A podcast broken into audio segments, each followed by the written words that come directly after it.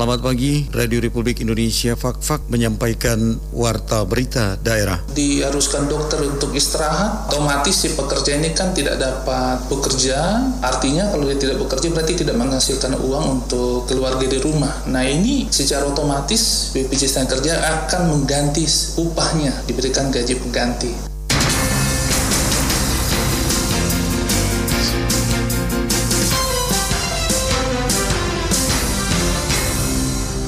Selamat pagi, kami sampaikan sari berita. KPU Fakfak resmi telah menyerahkan berita acara dan surat keputusan SK penetapan pasangan bupati dan wakil bupati Fakfak terpilih kepada DPRD Kabupaten Fakfak. Hari ini, tim Pesparawi Kabupaten Fakfak siap berlaga dalam ajang Pesta Paduan Suara Gerejawi Sepapua tingkat Provinsi Papua Barat. Itulah berita utama edisi hari ini selengkapnya bersama saya, M. Sen Lamonca.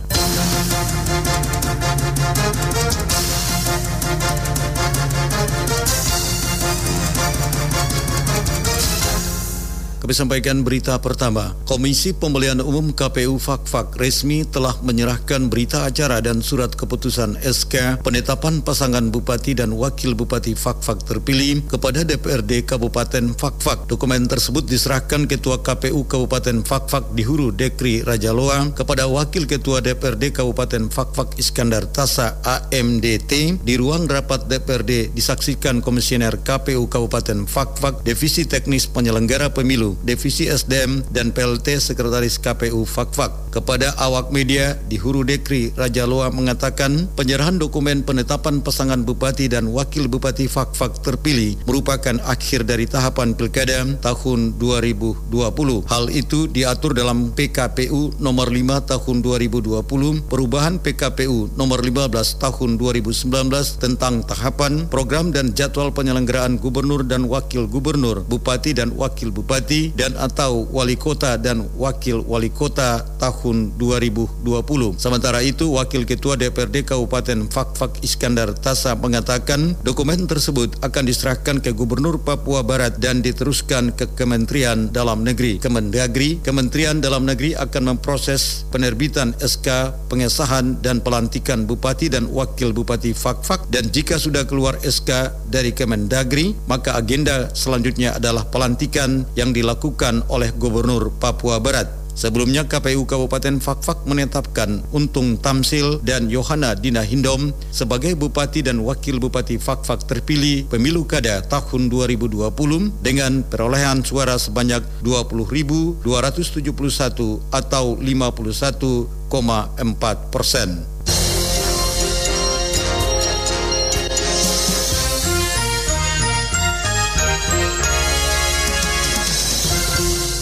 Hari ini tim Pesparawi Kabupaten Fakfak siap berlaga dalam ajang Pesta Paduan Suara Gerejawi 13 Setenah Papua tingkat Provinsi Papua Barat. Berikut laporan selengkapnya.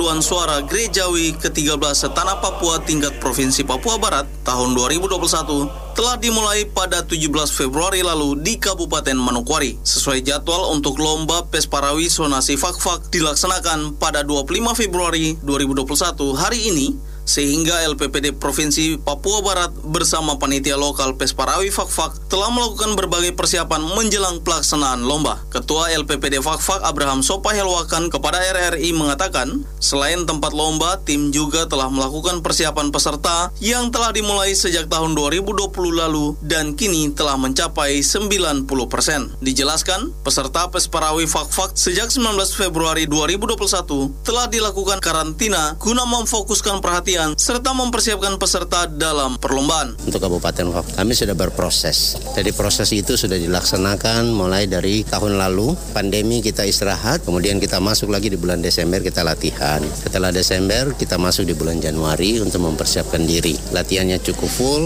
sehingga dari penilaian pelatih kita Pit Notonubun, tingkat kesiapan para penyanyi kita itu sudah 70 persen. Masih ada beberapa persen lagi dengan target pas penyembahan tanggal 25 itu puncaknya 100%.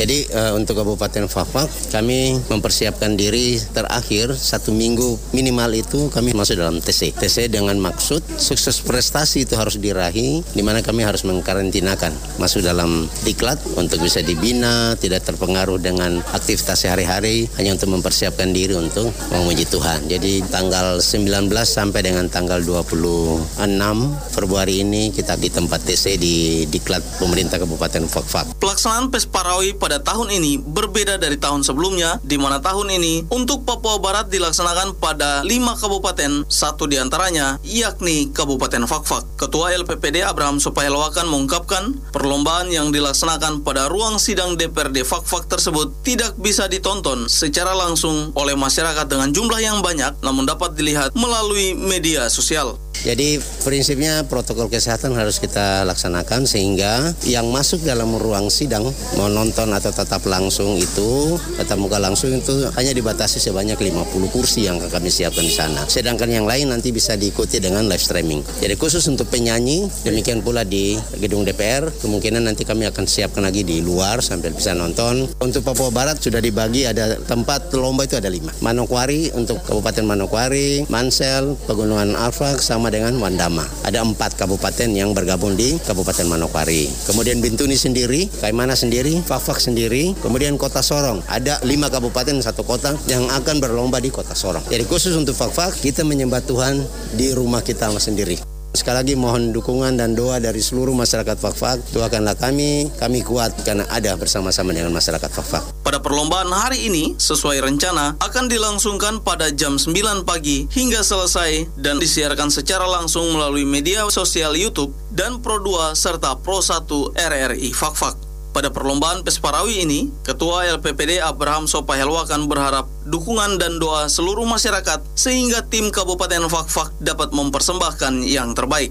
Budi Rasidi melaporkan.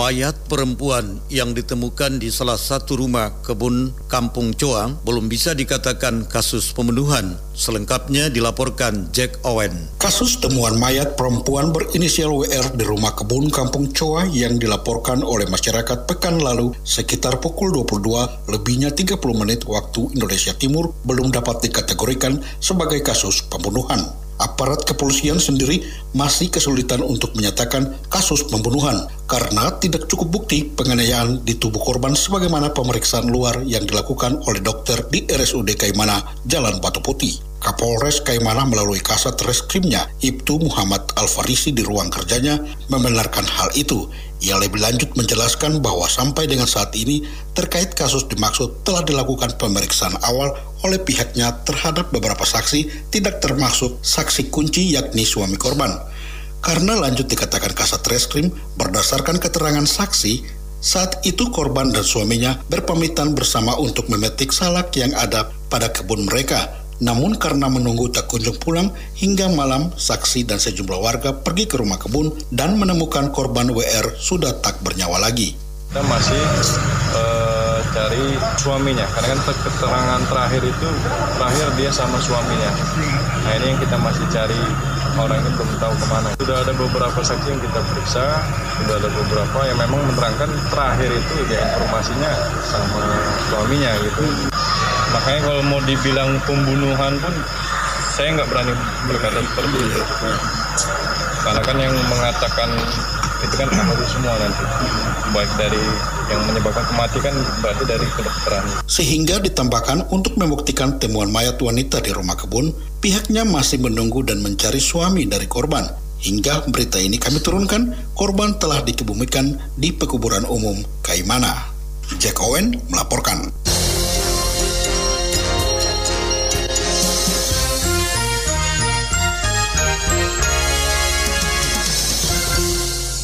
BPJS Ketenagakerjaan saat ini telah menghadirkan program manfaat layanan tambahan berupa bantuan biaya pengobatan bagi peserta BPJS Ketenagakerjaan yang mengalami musibah kecelakaan dan pinjaman uang muka perumahan. Inovasi dan kreasi terus dilakukan oleh BPJS Ketenagakerjaan dalam meningkatkan pelayanan kepada peserta baik perusahaan maupun perorangan Salah satu program yang saat ini diluncurkan oleh BPJS Ketenagakerjaan adalah program manfaat layanan tambahan BPJS Ketenagakerjaan. Kepala BPJS Ketenagakerjaan Kabupaten Fakfak, Karolus P. Singgalingging mengatakan, program manfaat layanan tambahan yang diluncurkan oleh BPJS Ketenagakerjaan adalah apabila terjadi kecelakaan kerja yang dialami oleh masyarakat pekerja peserta BPJS Ketenagakerjaan dan si pekerja diberikan perawatan rujukan untuk ke rumah sakit di luar daerah, maka biaya yang dikeluar pun ditanggung oleh BPJS Ketenagakerjaan. Selain itu, BPJS Ketenagakerjaan juga akan menggantikan semua upah atau gaji bagi pekerja yang istirahat selama masa perawatan. Sementara manfaat lain dari layanan tambahan BPJS Ketenagakerjaan adalah dapat mengajukan pinjaman uang muka perumahan, terutama rumah yang bersubsidi. Untuk layanan tambahan di BPJS Kerjaan yang pertama jika terjadi kecelakaan kerja eh, yang dialami oleh peserta atau masyarakat pekerja itu nanti diberikan pelayanan kepada mereka-mereka yang mengalami luka. Contohnya jika membutuhkan perawatan medis di luar kota Fafak contohnya mungkin di Pulau Jawa atau di Pulau Sulawesi yang memiliki perawatan atau mungkin alat yang lebih canggih itu kita bisa rujuk ke sana sana. Kemudian biaya rujukannya juga ditanggung oleh BPJS Tenaga untuk pesertanya. Kemudian pada saat sampai di rumah sakit pun ya cukup por masuk dan dirawat sampai sembuh. Kemudian jika masih diharuskan dokter untuk istirahat, otomatis si pekerja ini kan tidak dapat bekerja.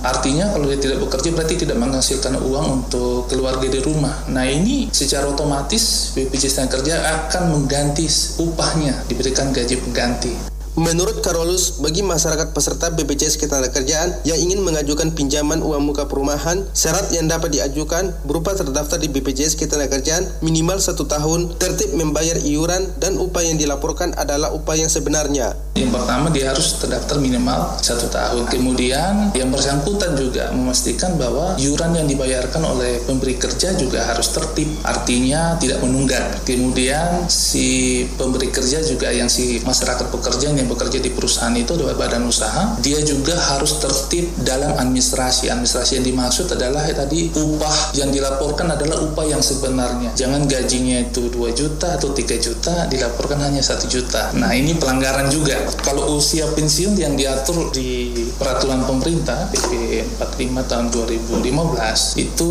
usia masa usia pensiun itu kan setiap tiga tahun akan naik satu tahun. Artinya untuk sekarang ini usia pensiun yang diatur itu sekarang 57 tahun batas pensiun. Nah kalau misalkan di bawah usia itu ya otomatis bisa. Nah tetapi nanti beberapa metode alurnya nanti itu kan harus ada BI checking ya karena nanti kan itu pasti akan tetap kredit yang dilakukan nanti itu peserta nanti berhubungan langsung dengan pihak bank. Ia menambahkan, bagi masyarakat yang ingin mendapatkan manfaat layanan tambahan BPJS Ketenagakerjaan berupa pengajuan pinjaman uang muka perumahan, syarat utama yang harus dipenuhi adalah masyarakat peserta BPJS Ketenagakerjaan minimal harus mengikuti empat program BPJS Ketenagakerjaan, yakni program jaminan kematian, jaminan kecelakaan kerja, jaminan hari tua, dan jaminan pensiun.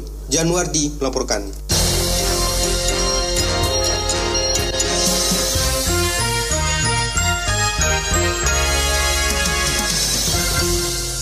Warta berita daerah ini tengah disiarkan Radio Republik Indonesia Fak-Fak. Dinas Kesehatan Kabupaten Kaimana gelar sosialisasi COVID-19 di Polres Kaimana. Laporan Wilhelmus Nurak. Sejumlah perwira dan anggota di jajaran Polres Kaimana kemarin bertempat di Aula Polres Kaimana telah mengikuti kegiatan sosialisasi COVID-19 yang dilaksanakan oleh Dinas Kesehatan Kabupaten Kaimana. Kegiatan sosialisasi tersebut bertujuan untuk memberikan pemahaman bagaimana manfaat dan pentingnya vaksin Sinovac itu sendiri karena mengingat jelang pemberian vaksin bagi anggota TNI Polri dan ASN yang dijadwalkan pada akhir bulan Februari 2021 mendatang, maka sosialisasi ini dinilai sangatlah penting dilaksanakan. Kapolres Kaimana AKBP Iwan P. Manurung dalam sambutannya mengatakan kegiatan sosialisasi COVID-19 kepada anggotanya sangatlah penting guna mengetahui sejauh mana perkembangan informasi COVID-19 tetapi juga sebagai pengetahuan bahwa apa saja yang harus dipersiapkan diterapkan nantinya pada saat penyuntikan vaksin bagi seluruh anggota Polres Kaimana. Dikatakan bahwa seluruh anggota Polres yang tersebar di wilayah Kabupaten Kaimana akan tetap siap untuk divaksinasi dan sudah merupakan instruksi dari Kapolri yang harus ditindaklanjuti sehingga menimbulkan rasa kepercayaan terhadap masyarakat bahwa vaksin itu aman. Apalagi di saat pandemi seperti ini, kegiatan ini penting sekali guna mengetahui sampai di mana perkembangan informasi terakhir mengenai COVID, kemudian apa langkah-langkah terakhir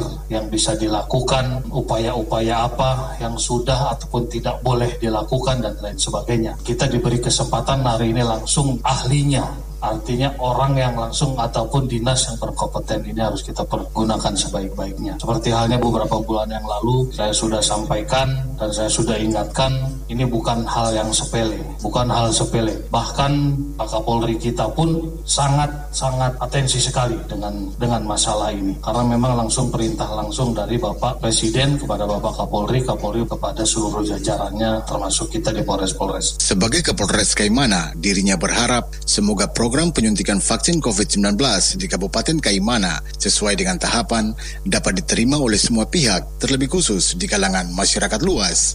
Perlu diketahui secara bersama, anggota Polres Kaimana yang telah siap divaksin COVID-19 berjumlah 233 orang, yakni personil Polres Kaimana sendiri berjumlah 214 orang, ditambah 19 personil Bintara di TUP 2021.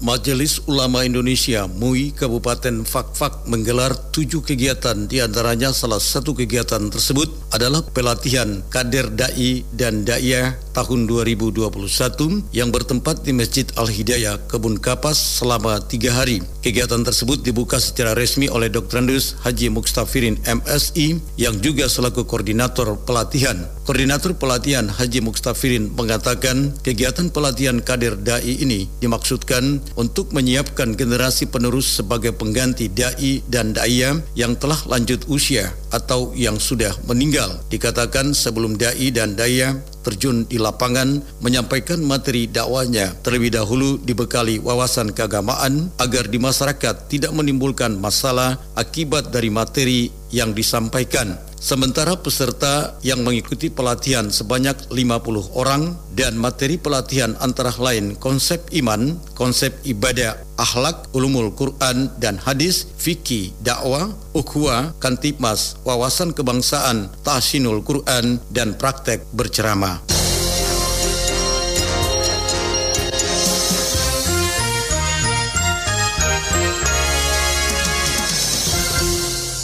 Komunitas Muda Positif Fak-Fak Kompostiva pada tahun 2021 memfokuskan programnya di bidang literasi atau program-program yang dapat menggerakkan anak-anak muda di daerah ini untuk lebih positif dan kreatif. Penanggung jawab Kompostiva Saida Wokas mengatakan di masa pandemi COVID-19 ini program dan kegiatan yang dilakukan oleh komunitas muda positif Fak-Fak di tahun ini dibatasi namun ada satu program yang belakangan ini dilakukan yakni Propos Bacarita. Dikatakan Propos Bacarita ini merupakan kegiatan sharing pengetahuan dan informasi melalui media sosial. Menurut Saida Wokas, keberadaan Kompostiva merupakan sebagai salah satu komunitas yang mendukung pengembangan pendidikan informal di mana komunitas ini telah banyak bergerak pada kegiatan-kegiatan di luar jalur pendidikan sekolah seperti halnya pembentukan rumah baca, kampanye suka buku, edukasi dan pengetahuan dengan menghadirkan narasumber tertentu serta beberapa kegiatan lainnya. Melalui program dan kegiatan Kompostiva di tahun 2021, ia mengharapkan adanya dukungan, kerjasama dan partisipasi dari seluruh warga masyarakat Kabupaten Fakfak, khususnya para generasi muda, agar program-program yang akan dan telah dilakukan oleh komunitas ini di tahun ini dapat berjalan dengan baik sesuai dengan harapan oleh semua masyarakat meski kegiatannya tidak semeria di tahun-tahun sebelumnya akibat adanya pandemi COVID. COVID-19.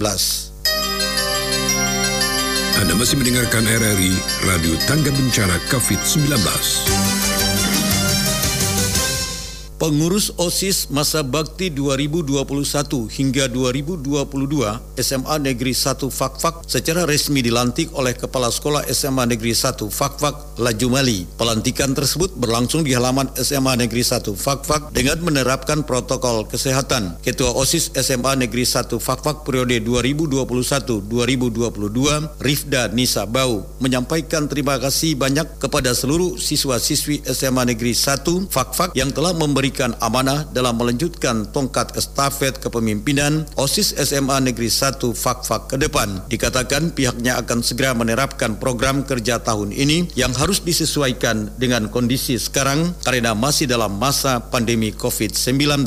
Rifda Bau menambahkan kepengurusan OSIS SMA Negeri 1 Fakfak yang baru ini akan melanjutkan program OSIS sebelumnya yang belum terselesaikan, kemudian melaksanakan program baru OSIS sesuai program kerja yang telah disusun seperti fasilitas sanitasi serta kebersihan, yakni menyediakan tempat cuci tangan dan sabun atau hand sanitizer, menyediakan alat pengukur suhu badan, mengadakan rapat rutin mengenai pelaksanaan program kerja masing-masing secara online melalui video call WhatsApp maupun Zoom, serta melakukan pengecetan atau membersihkan lingkungan sekolah sebulan sekali. Saudara, sekian warta berita daerah dari Radio Republik Indonesia Fak-Fak untuk saat ini. Selamat pagi.